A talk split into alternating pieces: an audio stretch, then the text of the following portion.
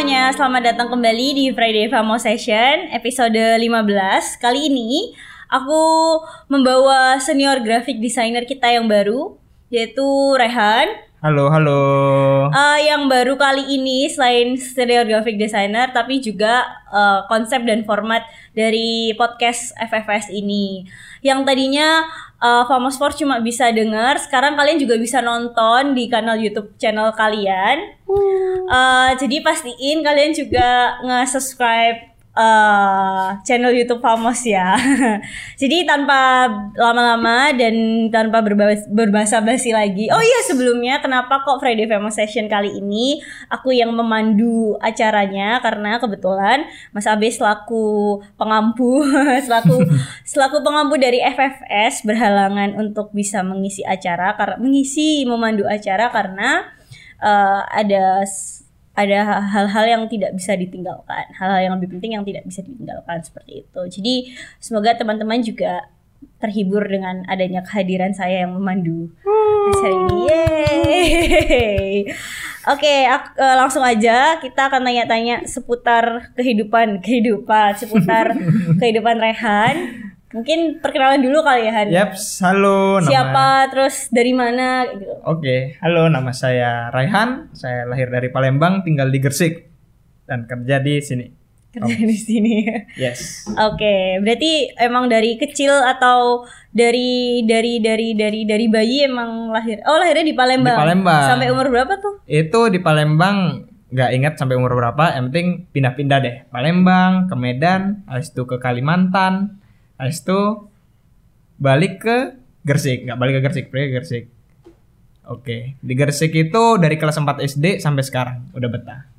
Oh, berarti kamu ke Gresik dari kelas 4 SD. Kalau berarti sekitar belasan tahun lah ya. Males Ah, ah. ngitung.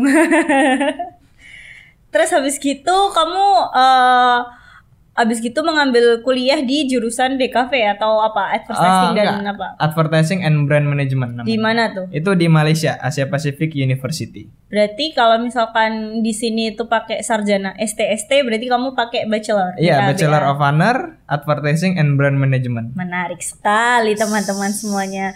Dan ini juga insight yang cukup bagus buat talenta kreatif yang misalkan punya keinginan atau sedang belajar mengenai mengenai branding dan advertising. Jadi mungkin Rehan di sini bisa memberikan apa ya? Memberikan gambaran yang lebih luas kali ya sebagai itu kali udah profesional gak sih kamu ya? Enggak, masih belajar kok, masih masih belajar belajar. juga tapi seenggaknya bisa menjadi menjadi gambaran gambaran baru buat teman-teman yang mungkin selama ini cuma riset Hmm, atau baca-baca dari dari artikel-artikel blog-blog orang gitu ya Han ya. Yaps. Kalau aku boleh tahu sebenarnya fokus Rehan itu kalau di branding atau di advertising sendiri itu lebih yang seperti apa? Apakah yang ilustrasi atau yang lebih graphic design atau Eh, yang seperti apa? Untuk fokusku ya sekarang nih setelah lulus itu fokusnya itu lebih ke graphic design, yang lebihnya itu ke branding dan juga ke sosial media. Sosial media. Ah, ah. Sempat juga beberapa handle sosial medianya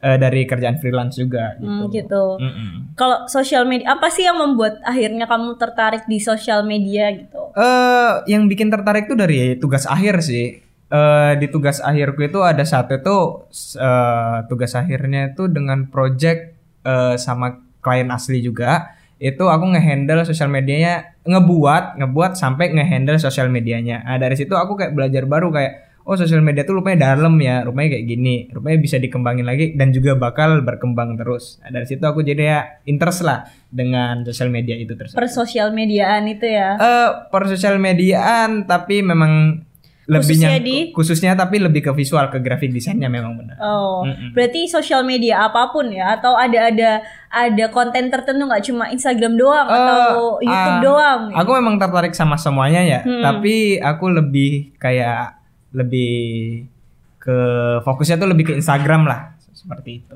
Fokusnya kenapa? Kenapa kalau boleh tahu dari sekian banyak kanal kanal dari sekian banyak eh sosial media gitu. Mm-mm. Kenapa akhirnya memilih Instagram sebagai fokus utama yang diminati seorang Rehan? Eh banyak orang, eh bukan banyak orang juga ya, banyak brand-brand tuh untuk sekarang sih marketplace-nya tuh di sosial medianya tuh Instagram. Mm-mm. Eh bener sih kayak Facebook, apalagi TikTok yang sekarang lagi gempar-gemparnya kan. itu memang juga besar tupan eh, untuk sekarang sih memang aku lebih tertariknya sama Instagram sih. Yang memang fokusnya tuh lebih ke visual kan. Lebih ke postingannya visual IG story visual dan lain-lain gitu. Dan sekarang pun udah kayak dia pengen ngikut-ngikutin TikTok gitu kan ya itu IG Reels kan. Itu juga jadinya tertarik lah. Soalnya selalu kayak gitu sih kayak Instagram kan dari dulunya kan yang cuman post-post doang. Mm-mm. itu ada Snapchat dia ngambil kontennya Snapchat. Mm-mm. dan seperti itu dan sekarang juga TikTok bisa aja nanti orang-orang gara-gara nyamannya di Instagram doang kan. Kayak dulunya Snapchat itu rame tapi gara-gara ada konten seperti Snapchat fitur seperti Snapchat di IG ada orang-orang jadi meninggalkan Snapchat. Tapi nggak tahu ya sama TikTok kita lihat nanti Oke, kita lihat nanti teman-teman. Ada ada ini khusus nggak sih? Maksudnya ada formula khusus nggak sih ketika membranding atau men-advertise IG, sosial media di IG sama sosial media di TikTok. Kita ambil contoh seperti itu. Atau sebenarnya formulanya sama aja, cuma memang eh, penggunanya itu yang bikin berbeda, lebih broad mana atau gimana? Atau sebenarnya beda aja gitu. Eh beda aja sih memang ya kalau di pikiran gue. Soalnya di IG itu memang dia ada kayak personal brandingnya. Tapi kalau TikTok tuh fully isinya tuh konten yang memang itu kalau memang entertaining orang bakal interest, kalau nggak entertain dia bakal buang gitu doang. Oh. Kalau dia di IG itu kan memang dia tuh fully branding kayak memang personal brandingnya bisnis itu. Misalkan kayak ini bisnis tentang apa, ini jualan apa, dan juga lain-lain diselingin dengan konten juga kan yang memang bikin orang interest juga semacam itu. teknisnya itu kalau misalkan aku penasaran nih ya. Tadi kan kita juga udah udah sempat ngebahas kalau misalkan branding advertising itu juga macem-macem ya bentuknya ya. Teknisnya tuh eh, tahapan prosesnya dari mulai nol sampai akhirnya menjadi sebuah produk jadi dari branding itu seperti apa sih kan? Kalau dari aku ya untuk branding ya, Mm-mm. eh yang kupelajarin dari kerja-kerjaanku sebelumnya dan juga kuliahku sebelumnya itu eh, gimana mau bikin brand itu yaitu nanya sama klien dulu mereka tuh mau bikin apa dan juga mau bikin yang seperti apa Mm-mm. target marketnya tuh ke mana nah, dari situ kita kan bakal ngebuat personalitinya buat mereka gitu Mm-mm. yang mencakup kayak identity seperti icon warna Oh itu juga tone. dikerjakan ya? Iya, Mm-mm. kalau itu kan masuknya branding kan maksudnya. Color tone dan lain-lain. Atas request klien dan juga kesepakatan desainer seperti itu. Benar, semacam itu. Lalu? Eh ya lanjutnya itu ke developing kayak misalkan ke focusingnya kan kayak logonya mau yang seperti ini, oke kita kuatkan. Yang penting bikin konsistensi dalam situ lah. Kayak misalkan mereka pengen ngenunjukin mereka itu seperti ini. Oh berarti semua yang identitinya itu menuju ke situ gitu loh maksudnya. Gimana ya? Eh, ya seperti itulah ya. Aku juga jadi yang ke mana-mana. Oh, jadi intinya adalah bagaimana caranya eh, berarti tahapan awalnya adalah keinginan klien gitu ya. Ah, ah, ah. Produknya itu mau Hmm. jadiin apa sampai akhirnya si si si produk ini kamu bikinkan logo terus Ah, ah. brand identity Ah, gitu ya. Yang penting kan kalau brand kan yang personality-nya mereka kan. Personality dari bisnis itu. Nah, yang punya personality itu Pak mungkin itu mencerminkan dari yang punya bisnis itu. Mungkin seperti itulah atau gimana. Garis besarnya seperti Iya. itu. ya. Apa sih yang akhirnya mem- membuat kamu memutuskan untuk berkuliah di jurusan ini gitu? Eh, mungkin kalau di jurusannya aku eh, gimana ya? Eh, mungkin di awalnya dari kayak kenapa aku kuliahnya di Malaysia dulu ya mungkin ya. Kayak jadinya di luar negeri gitu. Eh, aslinya memang Malaysia Indonesia dekat ya, gak jauh-jauh banget juga. Tapi ya eh memang dari awal dari SMA aku pengen nargetinnya memang kuliah di luar negeri. Mm-mm. Pengen dapetin beasiswa juga kayak di Jepang, di Singapura, tapi gagal jadinya di Malaysia nggak dapat beasiswa. Dan itu juga di kuliah swasta namanya Asia Pacific University. Eh dan ngambil jurusan advertising and brand management soalnya di di kayak rekomendin sama agen agenku itu masuk sana soalnya sebelumnya kan aku pengen masuk DKV ya Mm-mm. eh, desain komunikasi visual yang desain desain gitu tapi dia nyaranin masuk sini aja ini nyakup lebih gede dari situ aku jauh-jauh research juga lah iya. ya. Research dan lain-lain oh aku tertarik oke lah jadinya pergi ngambil itu advertising and brand management yes Oh, jadi memang keinginan eh, awal mula keinginannya adalah dari keinginan untuk dapat bersekolah di luar negeri iya ya. benar Lalu habis itu timbul keinginan untuk bisa berkuliah di desain komunikasi visual, Hmm. tapi ternyata dari konsulernya ya berarti. Hmm. dari adverse eh, apa namanya dari eh ke apa sih Apa tuh, apa tuh, bahasanya apa yang menyarankan ya nggak Ah, sih? oke, oke. menyarankan Menyarankan. untuk eh, ambil branding aja deh gitu kan Ah. cakupannya lebih luas gitu Hmm, kan benar. oke oke Yes. menarik menarik Se- ap- eh, kamu merasakan beda kalau dari kacamatanya Rehan ya Hmm. dari kacamatamu kamu ngerasain nggak sih bedanya ada beda nggak sih antara advertising dan branding di Malaysia dengan di Indonesia gitu Oh, kalau beda mungkin di perculturannya ya mungkin ya. Perculturannya. Kayak misalkan kan yang KFC gitu kan, KFC yang di sana itu pakai nasi lemak dan lain-lain untuk eh, nyamain yang disukain sama orang Malaysia sana. Kalau di Indonesia itu pakai nasi putih yang juga ada beberapa yang pedas soalnya orang Indonesia mungkin suka pedas semacam gitu. Mungkin di situ ya. Tapi kan memang kalau masuk lagi di branding kan branding kan luas kan hampir semua brand ya pasti berbeda-beda gitu tapi kalau memang kita nyangkup di negara tiap negara beda-beda atau tiap daerah beda-beda itu mungkin ya di ngikutin audiens yang ada di sana mungkin seperti itu sih Oh, kalau misalkan Rehan lihat berarti dari culture budayanya yang paling Hmm. yang paling membuat si branding antara satu negara dengan negara lainnya itu Hmm. dari culture-nya ya.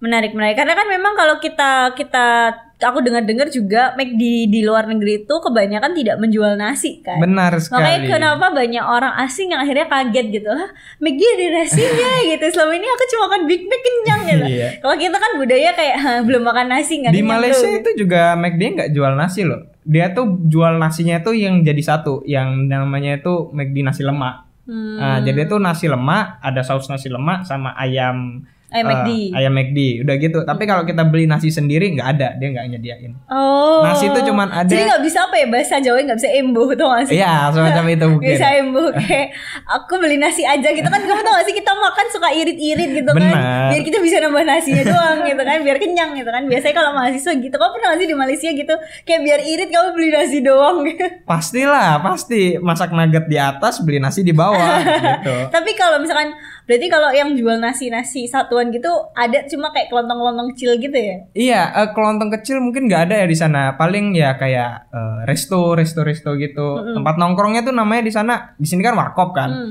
Kalau di sana namanya Mama. Mama Mama itu jualin semuanya. Nah, kopi terus Kopi. pop ice pop icean gitu ya teh pop, sisri pop gitu. ice mungkin nggak ada ya, tapi ya ya yang minuman-minuman Ah, gitu ah, lah. sasetan Eh, gitu. eh, kalau makanannya ya nasi kandar, yang Melayu, Hmm. India dan lain-lain semuanya jual dia. Yang penting di tiap tempat Malaysia itu pasti ada namanya itu Mama. Mama itu tempat nongkrongnya mereka lah. Dia itu Oh. pasti bukanya 24 jam juga. Oke, menarik menarik. Jadi ini ini dari branding kita bisa ke mana-mana juga ya. Iya. Balik lagi ke branding nih. Yaps. Apa sih benefit yang kamu akhirnya dapatkan dengan belajar branding dan advertising ya? Kita bicara in general dulu. Nanti baru kita mengerucut ke benefit apa yang kamu dapatkan eh, ketika berkuliah di brand eh, jurusan branding dan advertising luar negeri. Mungkin kamu bisa jawab in general dulu aja sih. Eh mungkin yang aku dapetin ya. Eh kalau kuliah mungkin advertising and brand management itu nggak semua ada ya mungkin ya. Emang di kuliahanmu ada nggak? Apa? Advertising and brand management. Kalau itu ya, kalau setahu aku itu kayak jadi sub mata kuliah gitu. Oh. Jadi ada mata kuliah, beberapa mata kuliah. Nah, salah satunya adalah mata kuliah branding Hmm. kayak gitu. Aku aku sih tahu karena kan adik adik aku kan eh, kuliahnya di kafe ya, desain Hmm. komunikasi visual. Terus beberapa kak be- ada salah satu semester ada satu semester yang memang mata kuliahnya adalah branding management Hmm. kayak gitu. Itu setahu aku ya. Jadi aku sempat ngelihat dia kayak riset target pasar, Hmm. terus riset produknya seperti itu sih. Cuma aku baru tahu ini kalau misalkan branding dan advertising itu bisa jadi jurusan sendiri kayak Hmm. gitu. Aku nggak nggak tahu ya kalau misalkan di di di Indonesia itu apakah ada beberapa kampus yang memang menyediakan jurusan itu Hmm. atau atau memang dijadiin satu sama DKV. Cuma kalau di kampusku itu yang aku tahu dari adik aku tuh itu dia jadi kayak mata kuliah gitu. Hmm. Yang Oke. Yang mata kuliahnya itu SKS-nya cukup besar Hmm, kayak gitu. Gitu ya. Mm-mm. Eh, jadi mata kuliah branding ya namanya. Iya, betul. Oke, kalau mungkin ya benefitnya apa in general itu ya mungkin aku lebih belajar ke ya lebih fokus lah, lebih mendalami ya. Mm-mm. Soalnya memang benar aku belajar branding dan advertising. Mm-mm. Di sisi branding itu aku bikin ya identity dan lain-lain kayak memang paling ya di cafe itu juga belajar. Eh lebih sedikit grafisnya, belajarnya cuman lebih ke teorikal. Kayak misalkan aku juga belajar brand psikologikal dan juga eh brand appeal yang semacam-macam gitu. Eh mungkin seperti itu ya. Jadi lebih detail dalamnya. Mm-mm. Dan juga ada benefit aku kuliah di luar yang pas-pasan juga eh kampusku banyak orang luarnya kan, banyak dari beberapa negara. Itu aku jadinya eh, dapat kayak dari sisi mereka rupanya kayak gini, dari sisi orang kayak gini, berpikirannya beda-beda lah gitu. Mungkin seperti itu juga ya, in general. Jadi selain selain apa eh, lebih mendalam tapi juga ada banyak culture sehingga kamu dapat banyak wawasan Hmm, gitu ya mungkin- tentang mungkin branding di negara kamu kayak gimana sih kayak gitu ya. Jadi Hmm. kamu bukan cuma belajar di mata kuliah teori dan praktek sehari-hari Yes. tapi juga dari teman-teman lingkungan sekitar ya. Iya, benar. Kayak berdiskusi satu sama lain. Kalau di Indonesia tuh branding rokok tuh kayak gini. Kalau Ah. kalau di sana branding rokok Benar, gimana benar, sih benar, benar. gitu ya. Ah. Kalau aku nangkep sih, Hmm. ya. Eh, ini menarik karena eh, lanjut lagi masalah branding dan dan advertising ini pernah nggak sih kamu dapet proyek yang paling aneh atau paling apa ya memorable buat kamu selama berkuliah atau sejauh ini deh dari kamu dari kamu masuk kuliah sampai akhirnya kamu bekerja di di Famos gitu kan ada eh, proyek teraneh atau termemorable apa sih yang pernah kamu handle Eh mungkin ya ini di tugas kuliah ya. Di tugas kuliah di semester 4 tahun kedua berarti. Ya itu eh proyeknya itu dia ngehandle ngehandle klien asli juga itu florist namanya Puduria di Kuala Lumpur. Eh jadi satu kelasku itu jadi tim semacam agensi kreatif agensi gitu kan. Aku posisinya sebagai graphic designer, ada juga yang copywriter dan lain-lain. Dosenku yang juga memang itu punya agensi, itu dia ngasih kliennya itu yaitu Puduria ke kami buat di handle. Mhm. Nah, itu dia sebagai kreatif direktornya dari tim ini. Dan kami ngehandle eh namanya bazar. Bazar buat ngerayain Christmas pada saat itu. Mhm. Dan itu anehnya itu bukan karena gimana ya? Ya bukan karena kliennya atau gimana itu, tapi karena memang dari situ kami ngerasain drama lah. Hmm, Oke. Baru oke. ngerasain drama, ya mereka nangis-nangisan gara-gara ini, mereka kesusahan, mereka berantem, ya aku juga jadi yang ngerasain Oh, juga. ternyata bukan kampus Indonesia aja yang Iya, ada drama benar. ya. Ternyata kampus di Ah, ah. luar negeri pun juga gitu ya. Ya dan dosennya juga kayak tegas, disiplin, marah-marahin terus, nelpon pagi-pagi buat revisi atau gimana. Jadi Oh memang kayak gitu. Dan di akhirnya itu pas hari hanya pas mau ke bazarnya itu ada cerita dia nabrak eh, motor. Pas itu lagi OTW itu ada dua mobil deh. Aku di Ke mobil tempat bazarnya Ah, ya, ke ya. tempat bazarnya. Aku mobil sama teman, dia mobil sama teman juga, cuman ah, beda mobil lah. Nah, dia sama teman-temanku nabrak motor. Jadi nyampe-nyampe di bazar itu jadi berantem lagi, nangis-nangisan Ah, lagi. Oke. Itu jadinya Nggak kayak kelar-kelar ya. Ah, ah, jadi ngelihatnya kayak aduh apaan sih ini kok jadi kayak gini gitu. itu bagi bagi Rehan itu proyek yang memorable gitu. Memorable banget. Karena memang kalau aku denger itu satu kelas jadiin mini kreatif agency Yep, gitu. ya. benar. Mm-mm. Asik ya berarti ya. Tapi kok pada prakteknya tadi kok Yes, pas dijadiin praktek Menangis-nangis. rupanya kayak gitu, rupanya drama. kayak oh seru banget mini mini kreatif agency. Tuh kayak enggak enggak enggak gitu. Tapi uh, sekelas akhirnya dapat dapat nilai bagus atau Eh, karena kesalahannya dia, kami semuanya jadi dapat A. Yeah. Jadi berapa itu berapa minggu tuh pengerjaannya dari nol sampai akhirnya Iya, kalian dari nol sampai itu tuh jadinya eh dua semester itu ada modul yang sama sama dia yang kayak gitu. Jadi pertama itu yang di semester tiganya itu perkonsepannya, di semester empatnya itu eksekusinya. emblem Nah. oh berarti s- setahun ya? Yep, mungkin setahun iya, dua semester. Oh Iya. my god, ujung-ujungnya dapat A karena bapaknya nabrak. Eh, bapak apa ibu? Ibu. Oh, karena ibunya nabrak gitu ya. Karena ibu dosennya nabrak, Nabrak ya. Sis, motor. satu tahun A Yup, plus. Terima kasih ibu gitu. Eh, eh, sela kan pasti kalau di sela-sela kalau di kalau di kampus aku ada namanya kerja praktek itu Hmm. kayak magang. Hmm. Di kampus kamu juga pernah ada eh, ada kurikulum eh, sorry di jurusan kamu apakah ada kurikulum yang magang juga atau di- istilahnya kalau di kalau di kampusku itu Mhm. ada, ada kerja praktek tapi juga ada di kampus lain tuh namanya KKN Oh, kerja KKN. kuliah kerja nyata yang kita memang mendedikasikan Hmm. apa yang kita dapat ke penduduk kayak gitu. Kalau Jadi di itu hitungannya KKN tuh magang atau enggak? Atau gimana? Nah itu aku juga nggak tahu karena kan kalau di kalau di kampus aku tuh ada ya kerja praktek. Eh, Jadi kerja memang praktek itu magang. Eh, eh, tapi kalau KKN aku nggak tahu tapi ya. biasa Cuma itu biasanya itu... kayak universitas lainnya KKN itu ada KKN, ada magang juga atau gimana? kalau yang aku tahu itu KKN ya KKN tapi kayaknya sih kurikulumnya berganti jadi kayak mereka KKN juga mereka magang juga kayak Hmm. Oh, gitu. mungkin gitu ya. mungkin ada beda yang satu untuk kerja profesional satu untuk dedikasi untuk masyarakat kali ya Kalau di kampusku itu eh, mungkin ini bukan di jurusanku aja, di semua jurusan itu memang di tahun ketiga, eh bukan tahun ketiga, tahun kedua, tahun kedua semester akhir setelah semester itu itu diwajibkan untuk magang. Mm-mm. Minimal bulannya tuh tiga bulan, maksimalnya terserah mau berapa lama gitu. Eh, jadi diwajibkan magang. Kalau memang nggak magang nggak dapat, itu bisa magang di kampus atau kalau memang nggak magang sama sekali dia nggak bakal lanjut. lulus gitu Ah, ya Gagal udah berarti. Ya dari situ aku jadi dapat magang. Magangnya itu di advertising agency namanya MNC Sachi. Mm-mm. Itu di Kuala Lumpur juga. MNC Sachi itu advertising agency worldwide yang kayaknya eh cabang dari UK kayaknya ke juga UK Australia.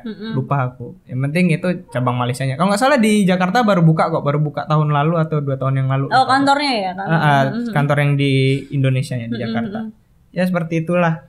Jadi berarti di apa korporat apa jatuhnya itu jatuhnya korporat sih, agensi memang beneran kayak berarti besar gitu ya perusahaan besar gitu Iya lumayan di gedung gitu sih. di gedung tinggi pencakar langit Iya, gitu di ya gedung tinggi gitu ngeliat kayak langit. di oh mungkin karena di capital city Iya kali karena ya. kayak City makanya itu paling di gedung. sempet kagok gitu nggak kayak anjay gitu Oh, magang di- Mungkin mungkin enggak ya. Ya biasa aja sih dari biasa aku. aja ya Ah, ah, itu kamu berapa bulan berarti Ti? kalau di aku tiga bulan magang Hmm. eh, kerja praktek sorry Kalau aku tiga bulan juga. oh tiga Jadi bulan, tiga ya bulan. ah, ah. standar lah ya tiga Ah, ah. bulan ya Tiga bulan digaji. itu- gimana pengalamannya untuk eh, itu kan berarti semi kerja profesional untuk pertama kalinya sebagai Iya, benar, mahasiswa advertising dan branding ya bagaimana bagaimana pengalamannya apa eh, apakah ada proyek yang berkesan dari maaf teman-teman. mohon maaf. Ada distraksi. Kita lanjut. Sebentar. Rian mau ketawa dulu. Sorry sorry sorry sorry. Gak apa-apa Rian Santai aja? Oke, eh, lanjut tadi apa? Ah iya. Ah, Sampai lanjut, lupa pertanyaannya gitu Eh, kan? Sampai lupa, lupa. pertanyaannya kan? Aku ulangi lagi. Nah, boleh, sorry sorry. Eh, Kan itu berarti kalau misalkan aku boleh boleh menangkap memahami adalah magang ini sebagai bentuk kerja profesional Iya, kamu yang pertama kali. Benar, itu yang pertama sebagai mahasiswa advertising dan branding ya Nah, itu ada bagaimana perasaan pada saat itu gimana eh, apakah mereka treatmentnya kayak anak magang biasanya kan kalau anak magang Hmm. ah gue kasih yang enteng-enteng aja dulu Ah, anak benar. magang kan Ah, gitu atau langsung kayak nggak kamu sebagai pegawai di sini Ah, gitu Kalau itu ya, pertama kali mungkin memang dianggapnya enteng-enteng dulu ya. Dia dia ngasihnya enteng-enteng dulu buat ngetes ya, pertama kali. Tapi itu dalam selang satu minggu mungkin. Setelah satu minggu itu langsung dikasih proyek yang beneran gede gitu loh. Itu pun aku lumayan kaget ya. sebesar apa? Skalanya nasional kah apa skala skala Kuala Lumpur aja? Eh, jadi itu kan eh eh itu kan kebetulan memang di capital city ya di Kuala Lumpur. Dan juga dia connectnya tuh sama brand-brand yang beneran ofisialnya kayak misalkan Selcom yang memang Selcom itu seperti XL under Axiata SIM provider. As to CMB di sini kan namanya CMB Niaga di sana CMB eh dan juga Sun Life Malaysia itu insurance company. Hmm, oke. Ah, itu kan mereka beneran ofisialnya ngambil dari eh dan itu berhubungan sama MNC Sachi itu. Hmm. Ah, itu makanya tuh itu jadinya skala nasional. Eh di sana awalannya tuh pekerjaan awalnya tuh aku dikasih sosial media, sosial media official dari tiga klien itu. wow Nah, dan- besar ya berarti ya Ya lumayan lah. Dan Besar juga next nextnya itu dikasih yang eh, beneran campaign. oke campaign namanya tuh getaran pertama Heeh. itu under Selcom Selcom X Asiata jadi itu mereka skalanya berapa- nasional itu skalanya nasional Malaysia Wow. Ah, ah. dan itu dia bikin TVC TVC di TV dan juga di YouTube dan juga ada di beberapa billboard yang kayak gitu aku bikin uh, brand identity atau logonya. Nah, itu ya lumayan lah proyeknya lumayan lama dan juga alhamdulillah dibantu sama kreatif direkturku jadinya lancar-lancar aja gitu tapi dari situ aku ngerasa kayak wah kayak wah logoku tuh wah. Ah, iya, ada kayak kebanggaan Ah, gitu ya. itu, itu baru pertama kali Portofolio langsung naik ah, gitu baru ya. pertama kali tuh kayak ngeliat kayak waduh logoku dipakai di billboard Ah, iya. dipakai di TV gitu Mana di negara orang Ah, gitu ah, ya. iya. Mama, ayah. Jadi itu kampanyenya itu tentang eh, Malaysian First Choir eh, paduan per- paduan suara pertama di Malaysia apa Malaysia tentang sejarah lah itu buat memperingati eh, kemerdekaannya Malaysia. Itu mereka bu- buat TVC atau video pendek, film pendek. Nah, itu aku ditugasin buat bikin logonya. Itu juga aku kayak mikir wah kok mau ya mereka ngasih intern gitu kayak aku kan cuman intern dikasih pakai kayak gini Oh. Bangga gitu ya akhirnya kamu dipercaya apa eh, istilah kamu dipercaya sama perusahaan Iya, besar. cuman ya Jadi balik- kemampuanmu bisa lah ya dihitung Yep. lah ya. balik lagi ya, pasti pasti sana pas dikasih tuh kayak kena mental lah. Kayak, Iya, aduh, aduh. stres, aduh dikit stres. Mana aku kalah, bukan gitu. bukan bukan aku duduk vokal gitu aduh Iya, itu hitungannya baru pertama kali kayak kerja kantoran gitu. Itu berapa tim eh, dari satu tim berapa orang untuk mengerjakan Eh, kalau- si eh, si- apa nih campaign gerakan pertama Ya, ya? getaran pertama. Getaran pertama. Nah, itu campaignnya timnya besar, timnya besar banget. Cuman di brandingnya itu yang nge-handle tuh cuman kreatif direkturku aja satu orang itu. Sama kamu. Dan itu dia ngelemparnya ke aku. Oh. Nah itu jadi cuman berdua itu dia ngebantu gimana gimana gitu ya seperti itulah. Berarti kamu juga bikin brand identitinya tadi. Yes. Logo. Yes. Semacam itu. Nice, nice, nice. Eh ini nyambung ke pertanyaan aku selanjutnya. Tadi kan kamu juga sempat menyinggung soal wah kena mental juga nih kan. Hmm. Habis itu belum lagi eh, apa namanya ada kasus terkait eh, COVID ya, COVID-19 yang mengharuskan untuk semua negara lockdown gitu kan. Apalagi di Malaysia cukup ketat juga kalau aku baca di Hmm. Yes, berita sangat. gitu. Kamu juga terkena im, apa terkena dampak lockdown itu kan berarti karena kan eh, kalau nggak salah kampus kamu kan di capital city-nya ya Iya, di Kuala benar Lumpur ya. sekali. Apa yang eh, ap- apa yang membuat apa yang membuat kamu tetap bertahan gitu? Maksudnya kayak harus kuat-kuatin nih gitu, nggak boleh nggak boleh nggak boleh nggak boleh apa ya nggak boleh jadi lemah gitu. Apakah komunikasi dengan orang tua terus-terusan sama lockdown setahun ya? Setahun, setahun itu aku Dari kayak mulai Maret sampai Maret lagi ya berarti ya? benar itu agak lebih deh kayaknya kalau nggak salah. Heeh. Soalnya kan op- Oke. soalnya. Soalnya eh sempat itu kan memang beneran eh stad apa? Eh, kelasnya from home gitu loh. itu full jadi itu memang lewat eh, kalau di sini zoom ya? Kalau di sana tuh eh, Skype. enggak enggak teams teams microsoft Uh, teams Oh, Microsoft Office. Nah, eh, Microsoft Mi- Office, Microsoft, Microsoft Teams. Teams, Aku juga Microsoft. pakai itu tuh. Oh, iya. Kelasnya. Hmm, ya, Ribet ya?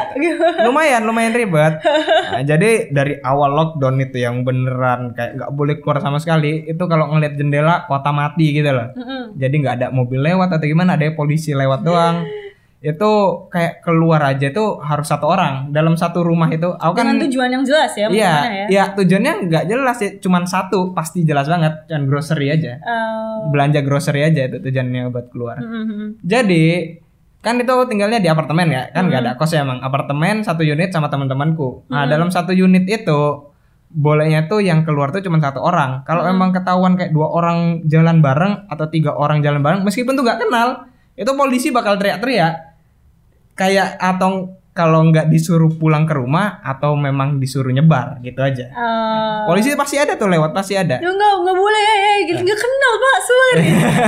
ya semacam itu saking ketatnya ya itu selama yang kayak gitu ketat banget itu selama tiga bulan itu jadi Oh full full God. dan itu tiga bulan itu eh, kan eh, kelasku kampusku itu gara-gara lockdown dia nggak ngelanjutin ke digital nggak nggak from home gitu jadi dia libur tiga bulan dulu jadi satu semester hilang Nah, jadi Enggak kami ngapa-ngapain. kami nganggur Di benar-benar asrama nganggur. aja.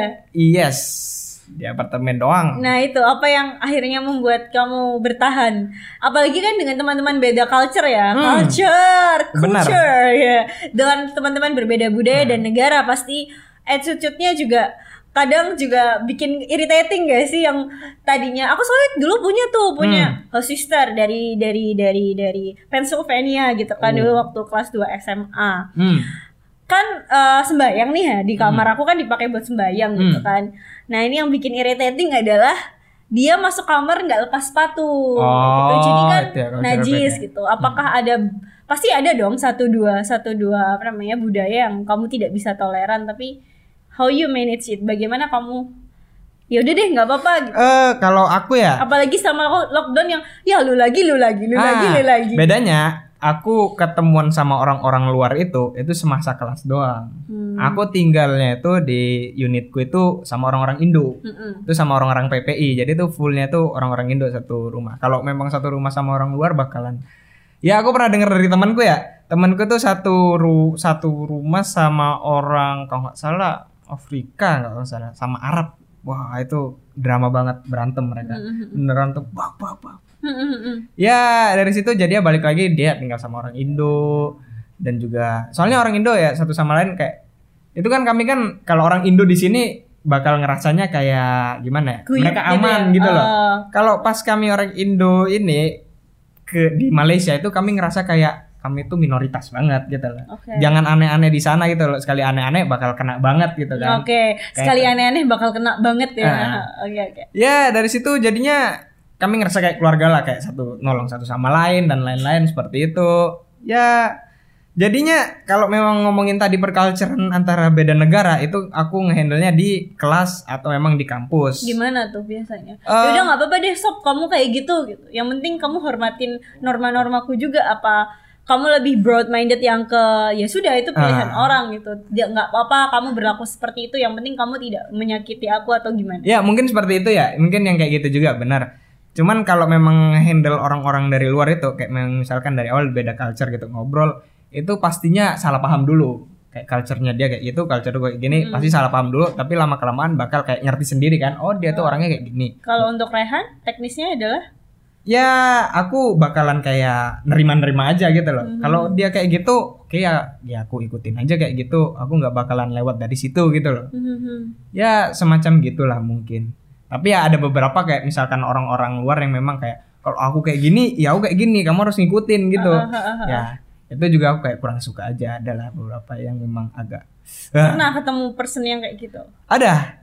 Dia orang eh agak apa-apa lah dia ngomongin orang Arab orang Arab orang kaya Terus dari gimana? Dubai Gimana Rehan Rehan Re- Rehan akhirnya ngehandle gimana? ya beberapa ada positifnya gara-gara dia kaya dia bayarin aku buat makan-makan dan Oh gitu ya. Tapi- Flexing ya. Eh, tapi di sisi lain dia kayak gimana ya? Dia semena-mena lah kayak misalkan aku nggak Kamu ikut. kan udah tak bayarin gitu Eh, eh, ya. masa gak ikut jalan sih segini gini gini Oh. malah direndah-rendahin aku kayak Oh, wah kayak eh, anak gaujak anti. selagi Iya, ya. iya, semacam gitu lah Gitu, ya sial eh. Eh, Jadi ya, enggak deh. nggak lepas ngomongnya. Berarti kan kalau misalkan memang eh, di Asia Pacific apa University? Iya, di Eh, Asia Pacific University dan teman-teman dari berbeda negara berarti eh, kamu sehari-hari di kampus dan di kehidupan sehari-hari gitu kan berbahasa Melayu atau be- mostly berbahasa Inggris. Eh, bahasa Inggris aja nggak ada bahasa Melayu Tapi bisa.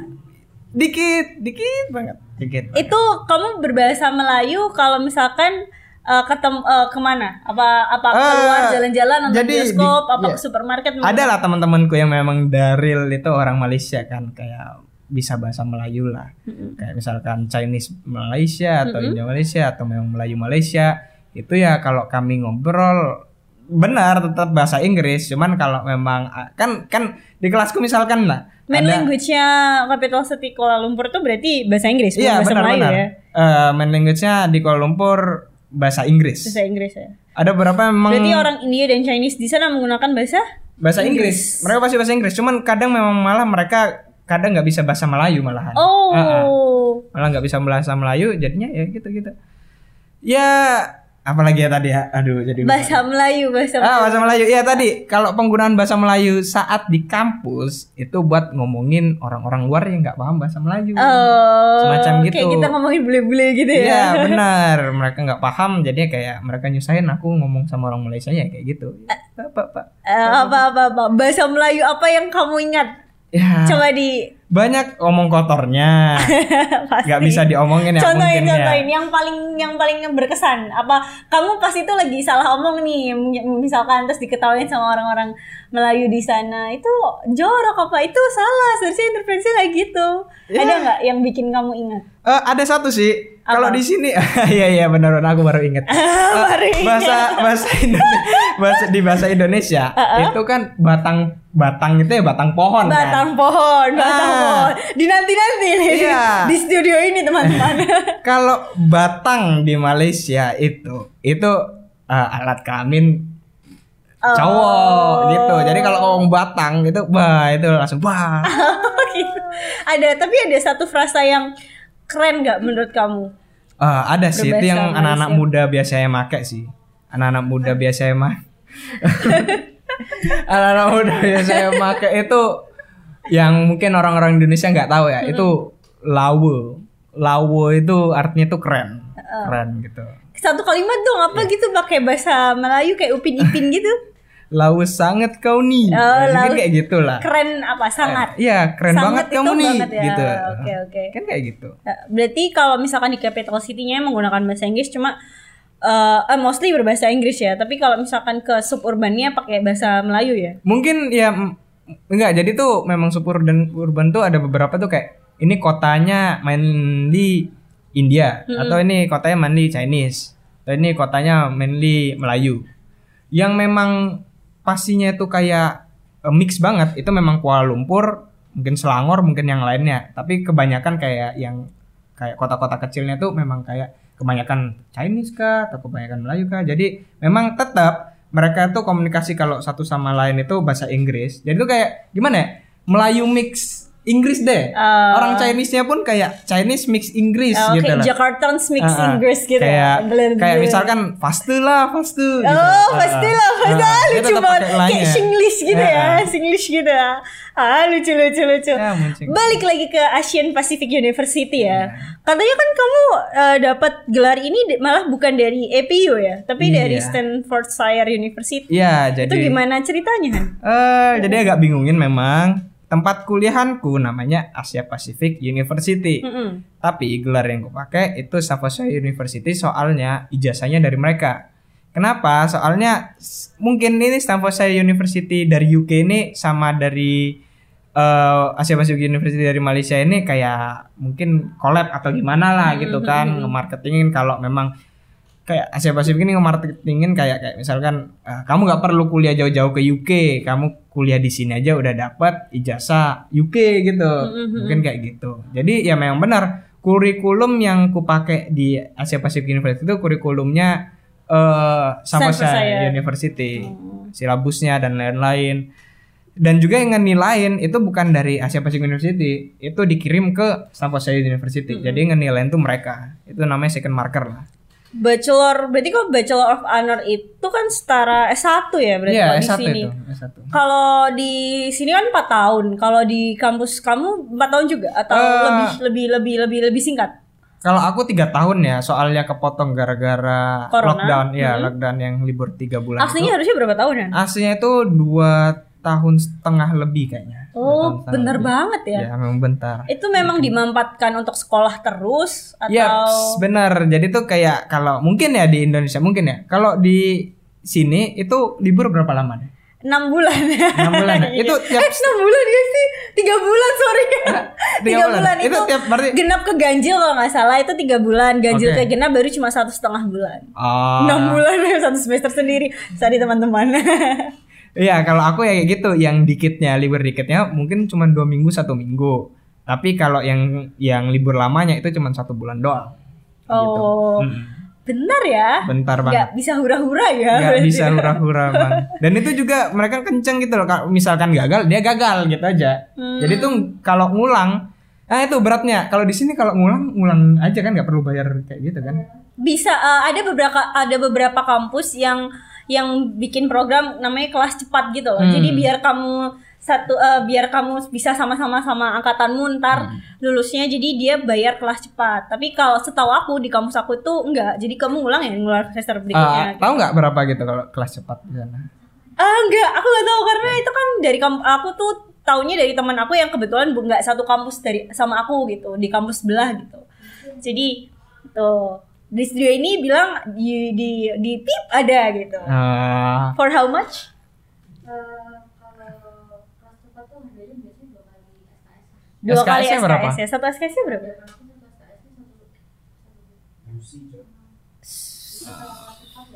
ah itu bedanya mungkin dua sama kali lipat dari harga satu SKS ya. Itu mungkin bedanya sama itu ya. Di Malay. Ya di Asia Pacific University mungkin ya yang mereka swasta ya jadi ya bisa ngapain aja kalau kami gagal kebanyakan lah deh memang teman-teman itu kalau gagal dia bakal pindah kampus daripada Mengulang. ngulang modul itu. Soalnya satu modul ngulang itu 4000 ringgit. 4000 ringgit itu mungkin kalau di curse kan berarti satu ringgit berapa eh, berapa rupiah teman-teman? Ayo coba dicari. 14 juta. 4000 ringgit itu 14 juta jadi satu modul itu ngulangnya 14 juta mungkin memang banyak lah orang-orang udah kaya banget ya di sana ya jadi ya tinggal bayar aja soalnya setelah bayar itu nggak perlu ikut kelas yang penting ikut ujian aja Oh, Ah, jadi langsung eh, nggak perlu ikut apa namanya dari nol ya? Hmm, Oh. intinya duit aja di sana tapi ya Intinya duit karena aja. sebanyak itu jadi kebanyakan mereka kalau emang udah ngulang mereka bakal pindah. Kalau ngulang mending pindah Hmm, gitu ya. antar pindah Indo atau pindah yang lain Karena mahal bukan karena masalah waktu ya. iya Oke. benar Nah, kan eh Nah, kan setelah apa namanya? Setelah kamu melewati perkuliahan di negara orang, di tanah orang, di tanah orang sebagai seorang Indonesia, eh, terus lulus dengan Bachelor of Honor Advertising and Branding Management. ya? iya ini benar-benar. Fokusmu sekarang lebih ke mana Han? Ada adakah tujuan lain setelah setelah setelah lulus dari sini dari sini dari APU dan bekerja di sini adakah adakah yang ingin kamu kembangkan lagi ke depannya? Eh, ya mungkin ya next ya kerja sih benar. Targetku ya kerja. Kerja dan juga skillnya tambah berkembang semacam gitu. Dan juga interestku kan sekarang tuh lebih ke sosial media jadinya lebih mempelajari lebih dalam branding dan lain-lain. Ah, dan tujuan utamaku itu memperbanyak portofolio itu aja deh Gitu ya. portofolio aku tambah banyak Nggak mau maksudnya nggak mau belajar untuk fokus ke yang lainnya gitu atau mengembangkan bisnis sendiri? Oh, mungkin ya emang benar Eh, ada tujuanku itu memang itu dari awal sih kepengenanku ya. Aku pengen punya brand sendiri sih. Brand sendiri itu eh, untuk sekarang sih aku memang eh, lagi fokusnya lebih ke produk sih bukan jasa. Mm-mm. Mungkin seperti itu. Berarti sendiri. keinginan untuk bisa branding produk sendiri ya? Yep, benar. Menarik, ah. menarik. Kenapa akhirnya memutuskan untuk balik ke ke Indo dan memutuskan kerja di Indonesia gitu instead of uh, apa namanya melanjutkan di Malaysia? Eh, kalau dari aku ya, entah kenapa ya, tuh setelah tiga tahun di sana, mungkin tiga tahun Plus lebih. lockdown ya? Iya, itu aku ngerasa memang kayak jauh dari keluarga lah, nggak enak semua lah, kayak gitu. Jadinya, kenapa aku memutuskan untuk balik ke Indo itu, untuk yang pertama mungkin ya eh, alasannya tuh memang gara-gara keluarga lah, pengen dekat sama keluarga selama selama orang tua hidup, pengennya dekat sama mereka gitu. Dan juga eh kalau di sana itu opportunity ada satu eh, kerja di korporat yang benar. Soalnya kan capital city kan itu korporat eh aku pengen lebih tahu gimana market di Indo itu eh, iya itu tujuan kedua itu aku pengen lebih tahu market di Indo gimana. Soalnya kan balik-balik lagi itu kan negara orang. Kalau setelah kerja di negara orang pasti balik lagi ke, ke Indonesia. Mau gimana pun pasti balik ke Indo. Kalau aku nggak tahu sama sekali. Soalnya selama aku di Malaysia itu aku nggak tahu sama sekali tentang Indo. Aku kayak kayak udah fokusnya di Malaysia atau memang di tempat lain gitu lah. Di di yang memang yang aku Itu jadi kayak tamparan buat kamu ya. Ah, aku ah, Indonesia, pas aku dibalik. Indonesia pas setelah aku balik ke Indonesia itu setelah itu kayak uh kayak gini ya rupanya kok beda ya? Kok gini gini gini gini gini? Ya dari situ lah aku kayak memutuskan untuk balik Indo. Soalnya pasti akhir-akhirnya tuh aku pasti balik Indo gitu. Pengen deket juga sama orang tua yang ya, mungkin masih ada waktu ya, mungkin dan itu ya, masanya gitu. dua ya. poinnya mungkin satu itu karena pengen dekat sama keluarga. Dua itu pengen pelajari lebih kayak buat akhir-akhirnya kan aku bakal buka brand sendiri kan. Memang itu tujuan terakhirku ya tujuan paling akhir itu kayaknya tuh aku pengen tahu market Indo gimana Indo dan lain-lain gitu Berarti sembari sembari bekerja juga mereset meriset pasar baru ya. Yeps, seperti benar sekali yes yes yes Sebelum ini satu pertanyaan terakhir sih dari aku. Eh, ada nggak sih eh, apa namanya advice buat teman-teman mungkin di luar sana yang lagi dengerin atau nonton ini buat teman-teman talenta kreatif yang yang punya keinginan untuk eh, belajar mengenai branding dan advertising khususnya kepingin kuliah lah di di luar negeri kayak Ah. gitu. Seperti kamu itu kayak gimana? Ada ada advice-nya nggak? Ya mungkin kalau memang eh, kalau pengen kuliah di luar itu pengen yang bagus itu ya benar ngajar beasiswa berarti kamu harus rajin belajar Rajin belajar, teman-teman. nah, kalau aku kan nggak rajin belajar Oh, jadi gitu. beasiswa jadi di Malaysia Ya, oke. kalau kalau mau ya jauh-jauh aja nggak apa-apa Iya, yang jauh-jauh paling jauh teman-teman. Ah, ah, yang bagus tapi ya bagus juga loh kuliah di Indonesia. Enggak di di Malaysia Oh, enggak. Enggak, di Indonesia aku nggak tahu ya. Aku nggak tahu soalnya. Oh, iya, soalnya iya. kan aku kuliah di luar. Bagus tuh teman-teman kuliah di Indonesia juga memuaskan. Kalau kuliah di luar itu enaknya juga mungkin ketemu sama orang-orang baru, dapat pikiran juga. yang baru dan lain-lain dan juga plus itu jalan-jalan di tempat yang baru. Soalnya selama aku di Malaysia itu aku setiap semesternya itu pasti jalan-jalan. Mumpung Itu, ya. nah, ke kota-kota yang lain sampai ke ke Singapura, ke Penang pernah ke ke Penang? Penang pernah itu dua kali kalau salah ke Penang. Ah, semua Ah. semenarik itu ya? Eh, Kayak Melaka gitu nggak sih? Melaka itu dekat ya sama. Arsitekturalnya. Iya mungkin semacam itu ya. Heeh. Eh, cuman kalau di Penang itu dia kebanyakan wisata kuliner. Ah iya Nah, iya iya. kalau di Melaka itu dia memang di arsitektur arsitektur. Ah, kota ya lama. bekas bekas jajahan Portugis kan ya, Ah, ah. itu yang ditonjolkan. Tapi kalau memang kalau rekomendasiku ya kalau ke Malaysia tuh mending ke Langkawi. Langkawi. Ya, Langkawi. Balik lagi untuk tips. kita ke mana-mana kan jadi Ke mana-mana tips dia. kita ke Malaysia ya. Nanti kita bakal bahas Eh, tips buat teman-teman yang pengen dap pengen apa namanya kuliah atau belajar mengenai branding dan advertise advertisement gitu. Ah. Ada nggak eh, tipsnya? Apakah banyak-banyakin eh, riset pasar atau Oh, apa iya. gitu? Ya mungkin kalau memang mau eh, belajar tentang advertising and brand management itu nggak banyak kayak jurusan yang eh, ah, university yang punya jurusan itu. M- Mm-mm. Mungkin ya sebelum kayak pengen ke university ini tapi pengen belajar advertising and brand management ya riset dulu itu ada nggak di sana gitu loh. Soalnya kan kebanyakan memang ya kayak kata Nabila tadi itu tuh masuk ke sub model ya modul yang dalam kayak misalkan DKV atau Iya, lainnya kan. Kalau memang belajar tentang advertising and management mending kayak riset lebih lah. Ya semacam itu mungkin ya riset ya mungkin ya. Oh gitu. Jadi buat teman-teman talenta kreatif, mungkin highlightnya ada di riset ya. Jadi Ah. penting-pentingnya meriset karena di tiap kampus dan tiap jurusan itu mungkin nggak semuanya ada jurusan branding dan advertising. Terus misal kalaupun ada dan kalaupun advertisement apa sih? Apa dan kalaupun ada eh, baiknya dilihat dulu nih silabusnya apakah memang cocok buat kalian karena yes, kan yes. tiap branding itu beda-beda ya Han ya. Beda-beda dong. Beda-beda apa yang dipelajarin, apa yang Yes. didapat outputnya. Jadi eh, apa namanya kalau bisa teman-teman talenta kreatif sebelum jauh dari jauh-jauh sebelumnya sebelum kalian akhirnya eh, yakin untuk apply nih di kampus ini dan jurusan ini itu dilihat dulu eh, silabusnya, dilihat dulu kurikulumnya, Yeps, dilihat benar. dulu outputnya seperti apa, Yes, baca yes, blog, yes, yes, baca vlog juga kan sekarang banyak-banyak tuh vlog orang Oh, iya, Indonesia iya, yang benar-benar. pergi ke luar negeri negeri, kuliah ya. terus di vlog kayak gitu Ah. kan terus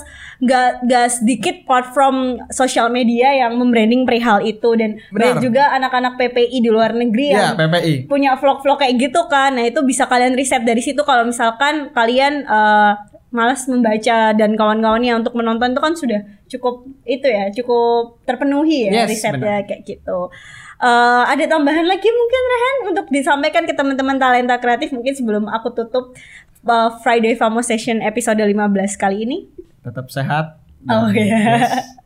Jaga terus protokol jaga patuhi terus protokol kesehatan Yes, itu ya. yes, yes. Nah mungkin eh, sekian dari aku dan Rehan untuk Fa- Friday, podcast Friday Famo Session episode 15 kali ini. Semoga teman-teman talenta kreatif dan Famos Force menikmati eh, obrolan santai kita hari ini dan tonton eh, apa menonton kita nggak bosan-bosan selama sejauh ini. Terima kasih juga udah mendengarkan dan menonton kita. Thank you. Sampai jumpa di Friday Famo Session episode 16. Dah.